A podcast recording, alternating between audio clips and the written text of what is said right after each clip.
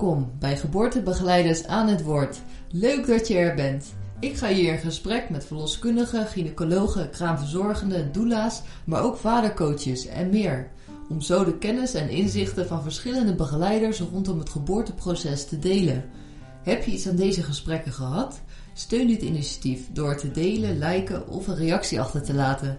Meer interviews vind je op geboortebegeleidersaanhetwoord.nl. Ik ben Sabine van Onselen, jouw host tijdens de interviews.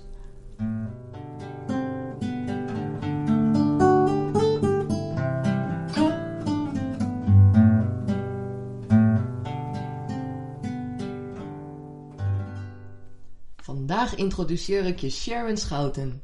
Sharon is mensendiekttherapeut, bedrijfscoach en zwangerschapsdocent. Zij komt uit de theater- en toneelwereld en zij maakte 23 jaar geleden een carrière-switch toen zij zwanger werd. In de loop der jaren heeft Sharon zich voornamelijk verdiept in de bekkenbodemspier. We zullen tijdens het interview hier ons dan vooral op richten. Want tijdens en na de zwangerschap kunnen veelal op dit gebied problemen opspelen. Je kunt denken aan incontinentie, seksualiteit, toiletgedrag en rugklachten. Sharon zal hierover haar kennis, ervaringen en inzichten met ons delen. Een enorme belangrijke spier dus. Zoals Sharon zegt, het is de basis van je bekken en je gevoelscentrum. Een intiem gebied. Ik zou zeggen, veel luisterplezier. Welkom bij weer een nieuwe aflevering van Geboortebegeleiders aan het Woord. Ik zit vandaag in Amsterdam in een heel mooi grachtenpand uh, van de praktijk van Sharon Schouten. Amsterdam uh, Mensendiek of Mensendiek Amsterdam praktijk. Welkom Sharon. Nou, dankjewel Sabine. Ik kijk heel erg uit naar dit interview. Ik uh, ook ja, je bent de bekkenbodemtherapeut en ja. uh, daar weet je heel veel vanaf. En daarnaast doe je ook uh, zwangerschapscursussen bij het ZAG. Dus we hebben genoeg om te, te bespreken. Uh, maar voordat we daar verder op gaan, ik zou ik je graag eerst willen vragen hoe je.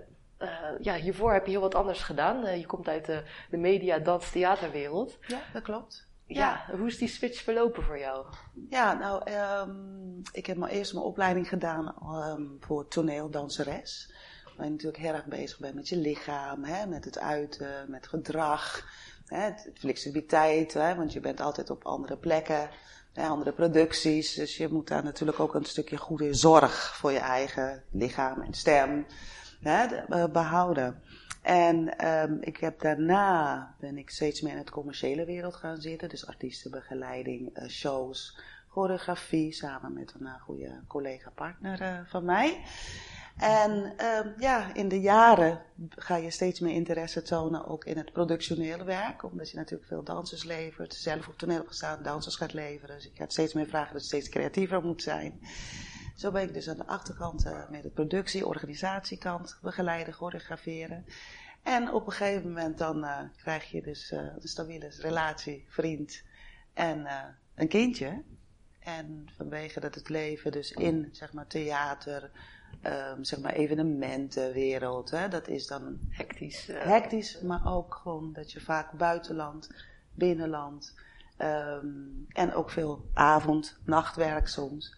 En voor de stabiliteit van mijn kind dacht ik van goh, ik wil toch wel wat meer rust hebben. Dus inderdaad, het kantoorwerk van 9 tot 5, dat zit er niet in in evenementen. Dat is op zich niet erg, maar dat je dan ook wat meer, ja, toch kan investeren in dat stukje van, goh, hè, dat je dan uh, een thuisje en ook uh, de kwaliteit met je kind. Um, toen ben ik, toen dacht ik van, nou goh, ik wil wat meer doorstuderen. En toen ben ik uh, oefentherapie mensen die ik gaan studeren, houding en beweging. Mm -hmm. Dus en gedrag. Heeft die bevalling je ook op een bepaalde manier veranderd of tot, tot andere dingen geleid? Of, of, was het meer gewoon van nee, ik wil echt meer tijd met mijn kind hebben en, en dat, dat is belangrijk, zeg maar. Ja, het, het, het, heeft invloed en dat vind ik het mooie ook van de cursussen geven met zwangeren. Het is een total package wat je dan eigenlijk geeft. En het is een proces waar je doorheen gaat. Hè? Het zwanger worden, hoe sta je in je leven, het samen plannen. Um, dus dat zijn ja, verschillende onderwerpen dat we nu uh, aanraken. Mhm. En ik was in mijn uh, afstudeerjaar van mijn mensendieopleiding toen ik zwanger werd. En in die tijd had je minder flexibiliteit om te zeggen van goh, ik kan wat uitgesteld examen doen. Dus ik had school voorgesteld van goh, um, ja, om de periode wanneer ik zwanger was en mijn scriptie zou schrijven, wat nu een thesis heet, Ehm, de periode om te draaien. En dat kon als ik maar een goede stageplek kon vinden, die dat in de periode mij kon geleiden in mijn laatste uh, afstudeerstage. En toen ben ik bij Carita Salome, door het boek Duiken in je weeën, Ja, kon ik bij haar stage lopen. En daar heb ik heel veel van geleerd. Ik met mijn zwangere buik, dus dat vond ik meteen de ervaring Oh, mooi. om Ja. ook in het leerproces te zitten, ook als hè, therapeut. Dus daar heb ik ontzettend veel geleerd en ervaring gehad. En ik geef sindsdien zwangerschapscursussen. Ja, ja, dat is al Ja. een hele tijd, eh, bijna. Mijn zoon is één- 23. Ja, ja. Dus dat is, eh, eh, ja. ontzettend mooi. Ja, ja, en het mooie is, is je ziet eh, eh, als professional en de samenwerking wat je hebt, dus met verloskundigen of gynaecoloog of het ziekenhuis hè, of huisartsen. Je ziet dan ook het verschil wat er gebeurt hè, in de tijd. Ja, dus bijvoorbeeld, hè, tegenwoordig nu met het ziekenhuis bevallen, thuis bevallen, ehm, pijnstilling. Hè, in mijn tijd was het natuurlijk heel anders dan die tegenwoordige tijd. Ja. En dat zijn wel ja. mooie ja, veranderingen ehm, om te ervaren, maar ook hele leerzame. Mhm. Ja. ja. en daar mee te gaan inderdaad. En, Ja, met de tijd. ja, Ja. Nou, vanuit mensen die kan me voorstellen dat je met bekkenbodemspieren al te maken krijgt, eh, maar jij bent daar nog meer in gaan specialiseren. Ja. Eh, wat is er belangrijk eh, aan de bekkenbodemspier? Kan je daarover vertellen? De bekkenbodemspier. Ik zeg, het is een van de meest mooie spieren die we hebben in ons lichaam. Het is ook voor mannen en vrouwen. Want het is de basis hè, van je ja, bekken. En je kan het ook zelf terugkoppelen naar het gevoelscentrum. Het is een intiem gebied. Er wordt weinig besproken. Gelukkig de afgelopen jaren steeds meer. En ja, het is een heel intrigerende spier. Eh, technisch gezien werkt reflectoir, maar ook bewust. En het, geeft, het heeft gewoon heel veel ja, ja, functies, Mhm. een bekkenbodemspier. Mhm. Ja, en zeker tijdens de zwangerschap hè, speelt Ja. het een rol. Tijdens de zwangerschap speelt het een rol, omdat het natuurlijk de onderkant van het bekken is. Het is een steun voor de onderrug, rondom het bekken. Natuurlijk voor het geboortekanaal.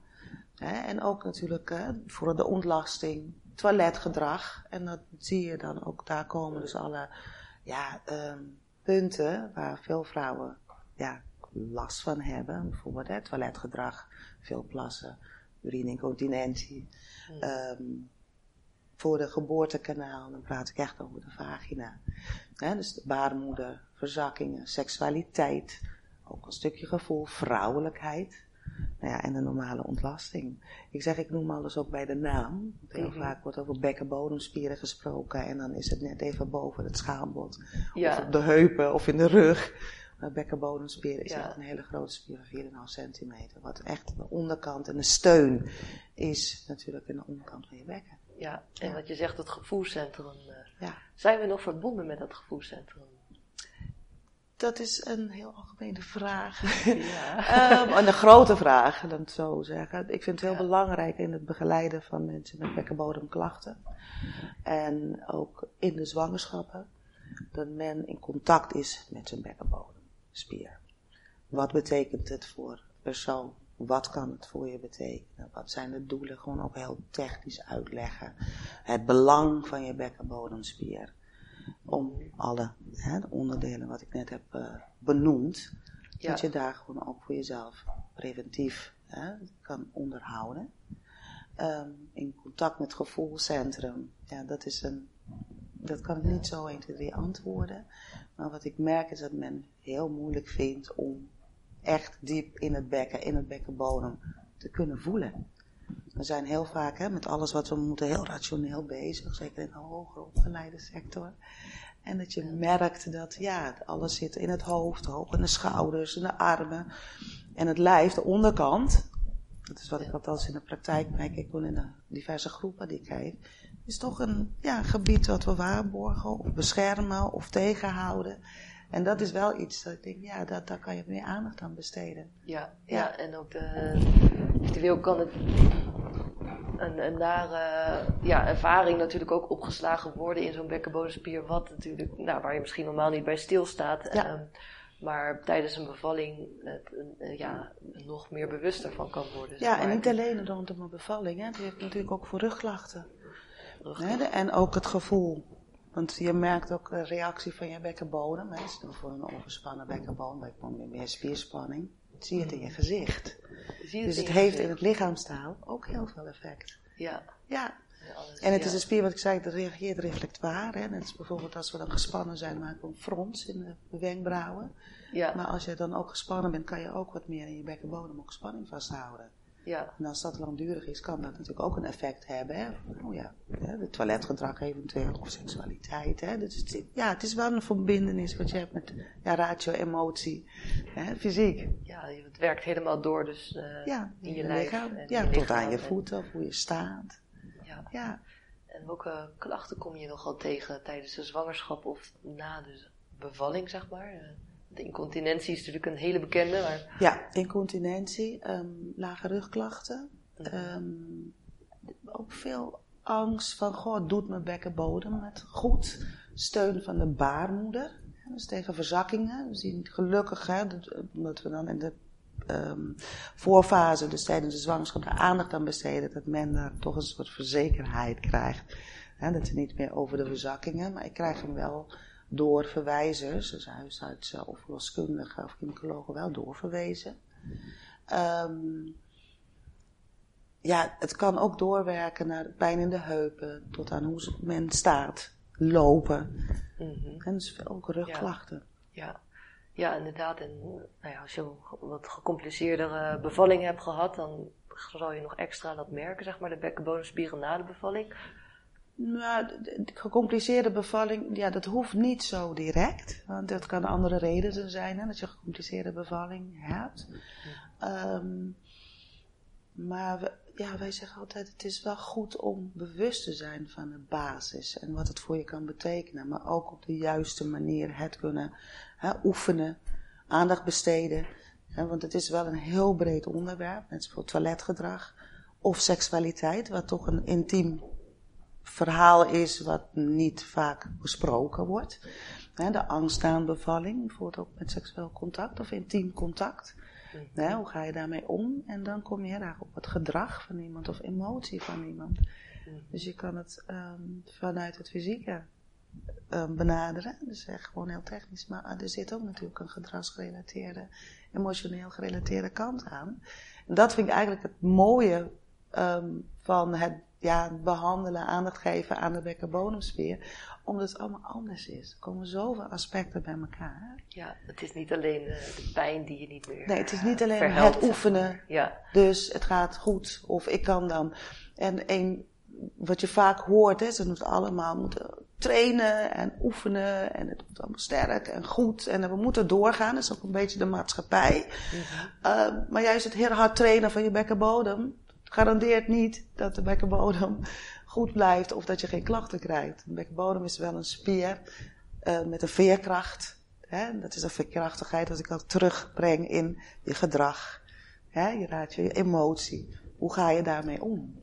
Mhm. Ja, en, en hoe ga je daarmee om? kan je daar ons wat, wat over meegeven? Um, ja, ik denk dat de bewustwording het grootste aandachtspunt is. Want wij kunnen niet het, um, zeg maar, vertellen, overbrengen. Iemand moet zelf ook actief aan de slag gaan. En het zijn vaak, wat ik zeg, ook processen. Deels in het hè, fysieke herstel, bijvoorbeeld na een zwangerschap. Dat je hebt natuurlijk het normale fysieke herstel. Na zes weken van een bevalling, dan controleert de verloskundige hè, of eh, de baarmoeder uh, hoog genoeg staat, of de bekkenbodem ook um, registratie heeft, dat hij aan kan spannen of ontspannen.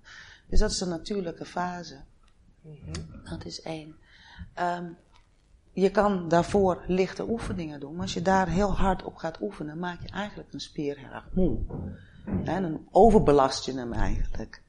Ja, dus ja. dat maakt dat je heel goed moet weten, dus bewust moet zijn van oké, wanneer is het periode om hè, lichte oefeningen te doen, wanneer kan ik wat zwaarder gaan oefenen, wanneer kan ik wat meer gaan belasten. Het vertrouwen kunnen hebben losstaan van het oefenen, het ook kunnen ontspannen. Mm van de bekkenbodemspier. Ja, dus het is niet alleen maar, oh, we gaan hem weer sterk maken, hij is wat uitgerekt, we moeten hem weer op. Nee, want het herstelt op zich ja. zelf, maar je hebt ook een deel van, goh, hoe is er gedragen, hoe is er ook met de bekkenbodem voor de bevalling omgegaan? En dat kan je dan wel soms terug herleiden in. En wat je zegt, een gecompliceerde uh, bevalling. Hè, dat het toch uh, ja, wat meer het bijvoorbeeld uitscheuren. Of dat het hè, toch lang heeft geduurd. Of hè, druk in de pers, een grote baby. Als het een effect zou hebben op de structuren binnen de bekkenbodem. Ja, dan, dan zit je dus in een andere zeg maar, segment waar je toch meer aandacht zou moeten besteden vanaf het begin. Ja, ja. Kan al langer spelen eigenlijk. Dus dat ja. probleem. Uh, ja, dat klopt. Ja. En uh, vrouwen bijvoorbeeld die na zes weken nog uh, incontinentieproblemen hebben, ehm, andere pro problemen, wat, ja, wat zou je aan hun willen meegeven? Zeg maar, hoe zou je dat benaderen als het ware? Want het, het brengt, wat je al zei, veel meer mee dan alleen fysieke klachten. Het is ja. ook ja, dat je niet nou, zes weken misschien nog te vroeg, maar laten we zeggen na drie maanden nog steeds daarmee kant. Of, of ja, en wij zeggen eigenlijk meer, en dat vind ik het mooie in de samenwerking met de verloskundige, hè, of de locaties waar ik dan uh, met de gynaecoloog contact heb. Um, incontinentie is een groot woord, hè, als je dan denkt van je hebt ook binnen de incontinentie verschillende typen soorten incontinentie. Komt ook weer hè, toiletgedrag, hoe ga je daarmee om? Hè? Wat is hè, de, standaardmodus, hè, waar kan je in wisselen? Maar daarnaast ook hè, de stand van je bekkenbodem en je baarmoeder. Aan de achterkant je toiletgedrag hè, voor de ontlasting. Dus daarom zeg ik, het is een heel breed onderwerp. Um, als je echt incontinent bent, na drie weken na de bevalling, dan moet neem gewoon contact op. Maak het bespreekbaar bij je verloskundige. Wacht niet naar die zes weken. Maar als je daar al last hebt daarvoor, is het ook handig om bewust te worden um, de tools, de tips en de tricks mee te krijgen. Waar let ik op? Wat kan ik eraan doen voordat je de bevalling ingaat? Mm -hmm. Want je kan preventief natuurlijk ook heel veel meegeven aan mensen. Um, ja, dat is een beetje wat ik dan uh, kan ook, meegeven. Wat, wat, zou je kunnen meegeven aan de, aan de luisteraars, zeg maar, die nog voor de zwangerschap of tijdens de zwangerschap zitten? Wat is ja, belangrijk om, te doen? Um, in ieder geval ook in contact te komen met je bekkenbodem ook het uh, gevoel vertrouwen kunnen hebben, een goed inzicht ook kunnen hebben. Wat is mijn bekkenbodemspier? Hoe groot die is? Want het is een hele grote spier en ook een hele dikke spier. Um, wat zijn de richtlijnen voor hè, een, een gunstig toiletgedrag? Um, ook qua steun. Hè? Dus als je voelt van, goh, hè, ik, moet wat ja, stabieler in mijn bekkenbodem zijn. Um, er komt ook nog een factor dat uh, mensen met bekkenklachten, en dan heb ik het over de botstructuur, behoren steeds meer in de volksmond zeggen, ik heb bekkenklachten. Terwijl, als wij het over bekkenpijn en bekkenklachten, is dat het weer een hele andere indicatie. Want je hebt het proces binnen je zwangerschap, dat er een fase is waar je baby steeds ja, lager en dieper in het bekken gaat liggen, waardoor de structuren rondom het bekken wat meer, als ik simpel zeg, nou, rek worden gezet. En de een ervaart dat steviger qua ongemak of pijn en de andere veel minder. Um, maar dat je goed inzicht en gedegen informatie zoekt van wat gebeurt er in mijn lijf? Wat zijn de veranderingen in mijn lijf? Wat hoort bij de symptomen hè, binnen de richtlijnen um, van um, ja, symptomen van binnen de zwangerschap? Maar wat neigt naar, hé, hey, hier zou ik klachten kunnen ontwikkelen. En hoe ga ik daarmee om? En waar kan ik terecht om hè, juiste informatie te krijgen? Ik kan natuurlijk heel veel vinden op internet, maar het blijft wel toch wat anders als je heel gericht gaat uh, voelen en oefenen en instructie ja, geven. en het hoeft geen lang traject te zijn, maar dat je wel, ja, de, de, ik zeg dan altijd, gedegen informatie hebt. Waar hou je rekening mee? In welke fase zit ik? Wat is normaal binnen de richtlijnen en waar zou ik toch iets meer aandacht aan kunnen besteden? Mm Dus wat ik aangeef, het is een vrij breed onderwerp. Het is niet een armspier dat je zegt van, oh, ik train hem of ik ga hem oprekken en het is klaar. Mm Nee, nee, dus dat is dus heel dat is misschien een beetje ingewikkeld waarom ik het niet zo 1, 2, 3 kan zeggen. Oh ja, dit wil ik meegeven. Dan, daarom kom ik op het, uh, ja, wat ik denk van ja, de goede bewustwording van hè, waar zit mijn bekkenbodem? Als het over de zwangerschap gaat. Hè, um, wat is het proces waar ik in ga rondom mijn bekken? Wanneer doe ik wel oefeningen, wanneer niet? Hè? Want het zijn ook fases waardoor je dan ook minder hè, echt stevig gaat oefenen. Dat je het gaat afbouwen en dan weer opbouwen. En hoe kom ik uit een bevalling? En dat geldt ook voor vrouwen die een keizersnede hebben. Want heel vaak hoor je dat uh, vrouwen die een keizersnede krijgen tijdens een bevalling. Uh, dat ze denken, oh ja, maar ik heb geen vaginale bevalling gehad, dus ik hoef niks te doen aan de bekkenbodem. En dat is ook een, ja, kan een gevaar zijn. Want je hebt natuurlijk wel gedragen. Je baby heeft in het mhm. bekken gelegen. En het is heel wisselend. Dat, uh, ja, zeker omdat het uh, laag boven het schaamhoed een sneetje is geweest. En dan kan het voor een tijd een beetje, ja, ja zo'n gevoelloos gevoel geven. Waardoor vaak zie je dat vrouwen dan geen aandacht doen aan de bekkenbodem. En dat kan ook weer een ja, verzwakking of een onder hè, stabiliteit geven. Mm Ja, ja, inderdaad. Dus dat is heel wisselend. Heel wisselend en inderdaad per persoon. Dus het is, het is inderdaad bijvoorbeeld een yoga of pilates. Dat zijn van die dingen die gunstig zijn, lijkt mij. Maar dat, dat hangt weer af als je in de zwangerschap zit. Dat dat ook weer afgesteld kan worden inderdaad daarop. En, ja, en, ja, en het is heel goed om een yoga of pilates te doen. Hè, om bewust te zijn in je lichaam, in je lichaam te gaan zitten. Mhm. Als je echt toch iets meer de verdieping van de bekkenbodem wil hebben, dan zeg ik, ja, probeer toch een paramedici, een oefentherapeut of een fysiotherapeut die gespecialiseerd is in de bekkenbodem. Uh, ja, toch ja, daar wat meer informatie van krijgen. Ja, ja als er wat meer de problemen zijn, zeg maar. De, ja. En ook inderdaad, het, het, is niet alleen... Uh... Ja, en ik zeg ook vaak, ja, mensen wachten tot alle problemen. Maar het is helemaal niet zo slecht om juist dan toch preventief ook gewoon daar interesse in te tonen. En het is niet alleen rondom de zwangerschap. En het is ook natuurlijk voor je hele leven. Want als je ouder wordt, heb je natuurlijk oudere dames. Die ook natuurlijk met de bekkenbodemproblematiek...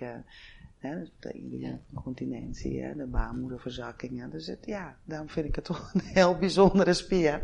Ja, en ja. Uh, ja een hele waardevolle. Ja, het brengt je in balans in feite, toch? Dat ja, is het, uh, balans in het leven. Tijdens dansen is dat ook een uh, ja, essentieel. een essentieel. Ik denk ja, dat het ook erg goed kan zijn om te, om te dansen waarschijnlijk. Ja, dat ook. Ja, om in beweging te zijn. Maar ook weer, wat ik zeg, ja, als je met je bekkenbodem, dan merk je ook dat er iets gebeurt in het hele fysieke, in je gezicht. Ja. Het geeft je ook een bepaald gevoel. Ja, inderdaad. Ja. En dat contact maken, om daar zeg maar wat, ja, wat zou je daar kunnen over kunnen? Hoe kan je dat zelf onderzoeken, zeg maar? Als je wil weten van hoe is mijn bekkenbodemspier eraan toe, hoe, wat zou je kunnen doen? Um, ja, nogmaals, het is heel wisselend per persoon. Hè? Um, uh, even denken als je. We hebben een, normale toiletgedrag, seksualiteit. Um, als je merkt van als ik een sprintje moet trekken of als ik verkouden en ik moet hoesten en niezen en ik verlies te vaak druppels urine, dan zou ik toch daar gaan denken van goh, hè, waar ligt dat aan? En contact opnemen hè, via de huisarts om te kijken van goh, kan ik daar misschien hè, wat meer informatie over krijgen of dat je doorverwezen wordt. Mm ja, we hebben zeg maar bijvoorbeeld uh, tijdens, uh, nog even hiervoor hebben we ook nog even gesproken. En het vond ik ook wel heel erg waardevol wat je toen zei, is dat uh, ja, inderdaad naar specialisten is het dus heel belangrijk om daar naartoe te gaan. maar het is ook belangrijk om te kijken van jezelf te onderzoeken. Want dat doen we vaak eigenlijk niet. We gaan al, al ja, eerder. contact met jezelf. Ja, het contact met jezelf. We gaan al vaak al eerder inderdaad naar een specialist van uh, er is iets, maar ik weet niet wat. Uh, ja. zoek, kan je even kijken. En, en het is ook mooi om aan te sporen. Dus om ook zelf ook in contact met je lichaam te zijn. want je kan natuurlijk ook zelf voelen.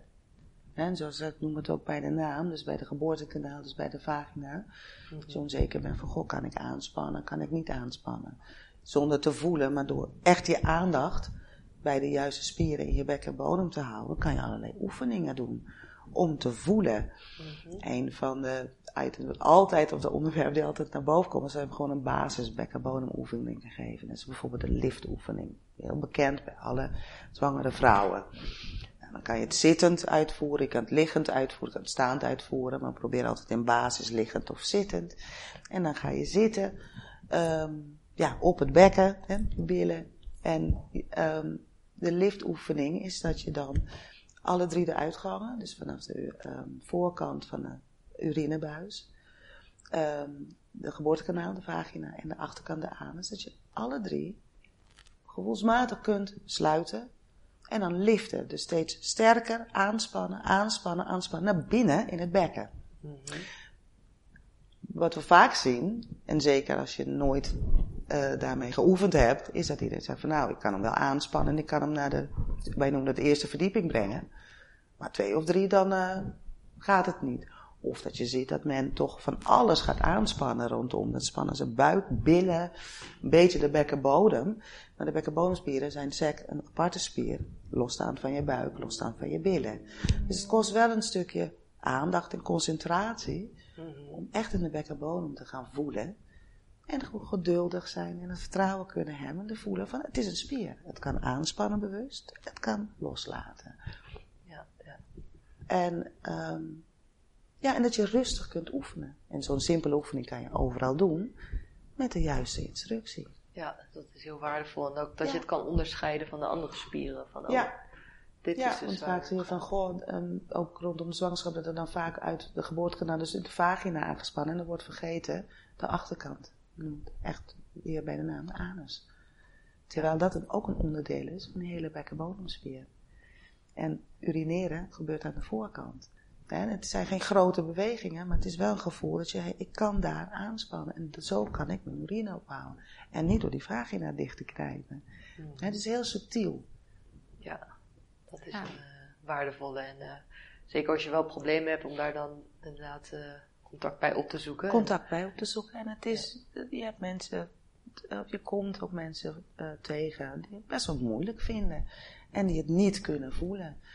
En dat is niet erg, maar het is wel belangrijk om toch te zeggen, goh, hè, schroom niet. Want het blijft natuurlijk een intiem gebied. Mhm. Neem gewoon contact op. Ja, komt het veel voor? In jouw praktijk eh, kom je veel vrouwen tegen na de bevalling die langskomen met bekkenbodemspierklachten, problemen? Ja, ik kom het regelmatig voor. Dat is een van de grootste verwijzingen die ik heb. En ehm, zoals ik ook eerder zei, er is een verschil tussen bekkenklachten en bekkenbodemklachten. Het zit natuurlijk bij, me- het zit bij elkaar verweven, maar de specifieke aandachtsgebied is wel heel belangrijk. Om Ja. eh, daar toch onderscheid in te kunnen maken. En de een kan ook niet los van de andere. Want vaak zien we dat toch bekkenklachten ehm, op de bekkenprotocol behandeld worden. Er zit een deel bekkenbodem. En ik zie dan toch regelmatig vrouwen die toch net even die verdieping willen. En het zijn ook twee verschillende ja, opleidingen, scholingen. Ja, ja. om toch iets meer de verdieping in te gaan. En een bekkentherapeut die krijgt ook een bekkenbodemtraining. en die kan dan ook eh, ja, bekkenbodem ja, therapieoefeningen geven of hè, de, de voorlichting. Ehm, maar ik blijf aangeven, ja, schroom niet aan de mensen. Ja, Probeer toch te kijken en eh, gewoon zoek echt een bekkenbodemtherapeut als het over bekkenbodemklachten gaat. Om, en eh, wacht er niet ja, mee, want nee. eh, is zonde. ja, kan Ja. je op latere leeftijd Ja, nog. want je eh, ziet gewoon zulke goede resultaten. Mhm. En dat is natuurlijk dan mijn drijfskracht. En dan denk ik van ja, het, het kan zo, ja, zoveel goed effect hebben. Je ziet het ook, en het is heel waardevol. Want het is een gebied, we zeggen, hè, het is een intiem gebied, hè, een beetje een taboe. Maar het is ook heel gênant. Hè? Dat je dan toch eh, urine verliest, of eh, op seksueel gebied, of dat je dan voelt van, goh, de- de- de- ik heb steeds het gevoel dat hè, in mijn vagina die niet sluit, of ja, daar praat je denk ik in het sociale niet zo over met een hè, glas wijn als je dan gezellig met elkaar bent. Ja, En, je bent ehm, nog jong vaak, dus dat, zei je? je bent ook nog jong vaak, dus je Ja, verwacht jong, niet dat ja. je er zo... Ja, je ziet het ook, mevrouw 35, 37. Het blijft altijd Ja. een hè, ophouden van, oh ja, dat gebied. En zeker ook vrouwen die dan op seksueel gebied eh, ja, toch ja, daarin het, wat moeite hebben. Eh, dat, in eh, pijn of in niet voelen. ja, of- pijn, niet voelen of eh, nare ervaringen in het verleden. En als je dan toch merkt van gewoon, ik kan het ergens anders zoeken. Terwijl weer in het gevoelscentrum en het vertrouwen kunnen hebben in je eigen lijf, in het gebied binnen de bekkenbodem. Dat vind ik gewoon erg belangrijk. Ja, Ja, het echt in contact, in je eigen kracht, in je eigen basis te kunnen zijn. ja, ja. Zelfverzekerd voelen weer daardoor, ja.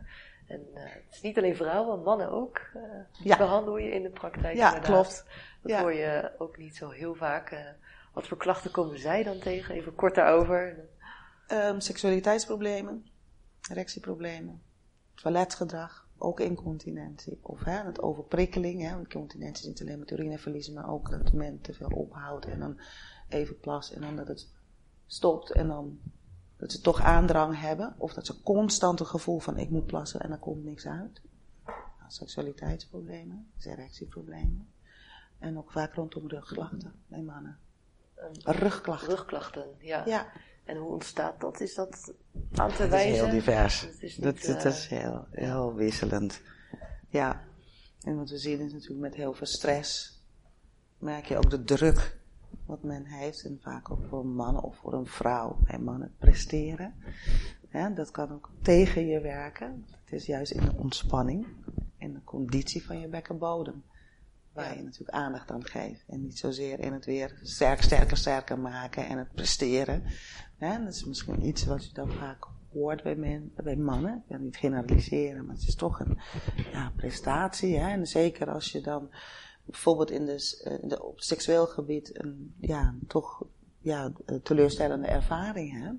Dat dat in het ja, hoofd toch blijft, mentaal. Van, oh ja, hè, als ik maar inderdaad nog een erectie kan houden. Dat geeft stress. Dat geeft gewoon te veel druk. Dus binnen de bekkenbodem. En ja, dan kan men dus inderdaad weer in een visieuze cirkel komen. En dat is weer, dat zie je, emotie, gedachtes en het fysieke, dat dat toch goed met elkaar aangesloten Ja. is. Dus eh, wederom weer, het is veel meer dan alleen de fysieke klachten. Zit Ja. hier ook stress is een van de Ja, en dat is dus inderdaad Ja. dat eh, ja, reflectoire, hè, eh, waar het op reageert. Hè, dus op het zenuwstelsel. Hè, je, dit is bijvoorbeeld pijn ervaren nadat je de stoot hebt gehad. Hè, je krijgt een prikkel, het gaat naar je hersenen. Hersenen verwerkt het en daarna voel je de pijn. Zo Ja. reageert de bekkenbodem ook. Ja. Want het is goed geïnnerveerd, dus eh, met heel veel zenuwen. Mhm. Hè, en als je dan in je ehm, hoofd al hè, zeg maar een soort blok hebt of een stress, dan gaat die bekkenbodem automatisch overspannen. Terwijl Ja. op bepaalde momenten, voor bepaalde functies, zou je juist moeten kunnen ontspannen. Ja, oké. ja. Dus als je continu stress hebt, is die continu aangespannen eigenlijk. Voor grotendeel zit er dan wel een spanning op. Ja. Het is nogmaals niet een één op één verhaal, want vaak als dan Ja. merk je toch dat er wat ja, hyperactiviteit is van de bekkenbodem. Ja, Ja. meer dan bij andere spieren inderdaad. eh, ja. Ja, nou ja, je herkent het ook in andere spieren. Dus bijvoorbeeld in nekspieren of schouderspieren. En het is natuurlijk per persoon hè, een bewegingsgedrag dat ze in hun handen, lippen, merk je het ook heel veel. Of de manier hoe iemand in zijn ogen kijkt.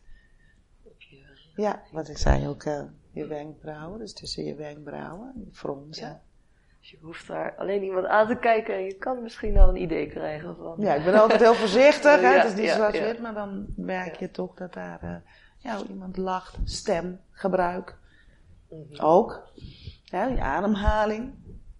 Ja, het is een totaal package. Ja, eh, het is een heel breed onderwerp. Ja. Maar dat, ja, daarom vind ik het een, ja, heel mooi, zeg maar, eh, ja, Het onderdeelcomponent om ermee aan de slag te zijn en behandelen van Ja. mensen. Het Ja. komt ook zeker terug in de zwangerschapscursus eh, Zwanger bevallen en kind, wat je bij het zag geeft. Ja, niet zo uitgebreid. Uitgebreid, nee. ja, want dan ben je therapie aan het geven, zeg ik dan. Zo tussen aanhalingstekens. En een cursus is natuurlijk dat je men bewust wordt, dat je goed voorligt.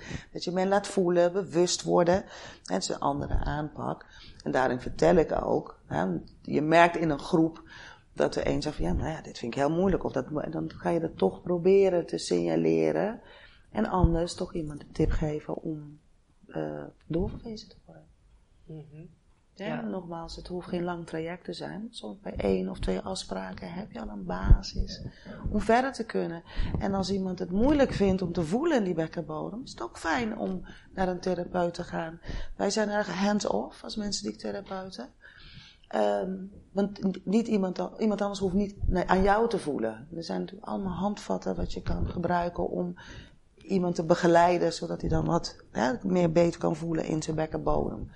Maar dat ga je niet altijd uitgebreid binnen een zwangerschapscursus doen.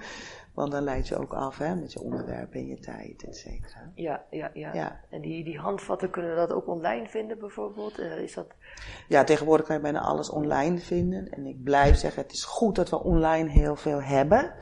Maar er zijn natuurlijk een aantal punten dat, ja, je kan het lezen. Of het is een interpretatie hoe iemand hem hè, overneemt en daarmee aan de slag gaat. Mhm. Ja, Of dat er, wat is de juiste informatie, is wat niet de juiste informatie. En dat maakt, vind ik soms op internet eh, heel eh, ja, rommelig. En eh, je hoort collega's ook zeggen, internet is eh, onze grootste vijand. Want mensen komen met allerlei verhalen en dingen wat ze op internet hebben gelezen. En denk je, oh, dat is juist niet voor jou bedoeld. Omdat jij een andere aandachtspunt nodig hebt. Nogmaals, je hebt mensen die een onderspanning hebben in de bekkenbodem. Mhm. Of je hebt mensen die dan overspanning hebben. Je moet er juist iets mee ontspannen. ja, ja. Dus dat is eerst heel belangrijk om dat bewust te zijn, signaleren. En, Ja. ja. En in het overal proces van geboorte, rondom de geboorte, wat, wat is voor jou heel erg belangrijk of wat fascineert je daarin?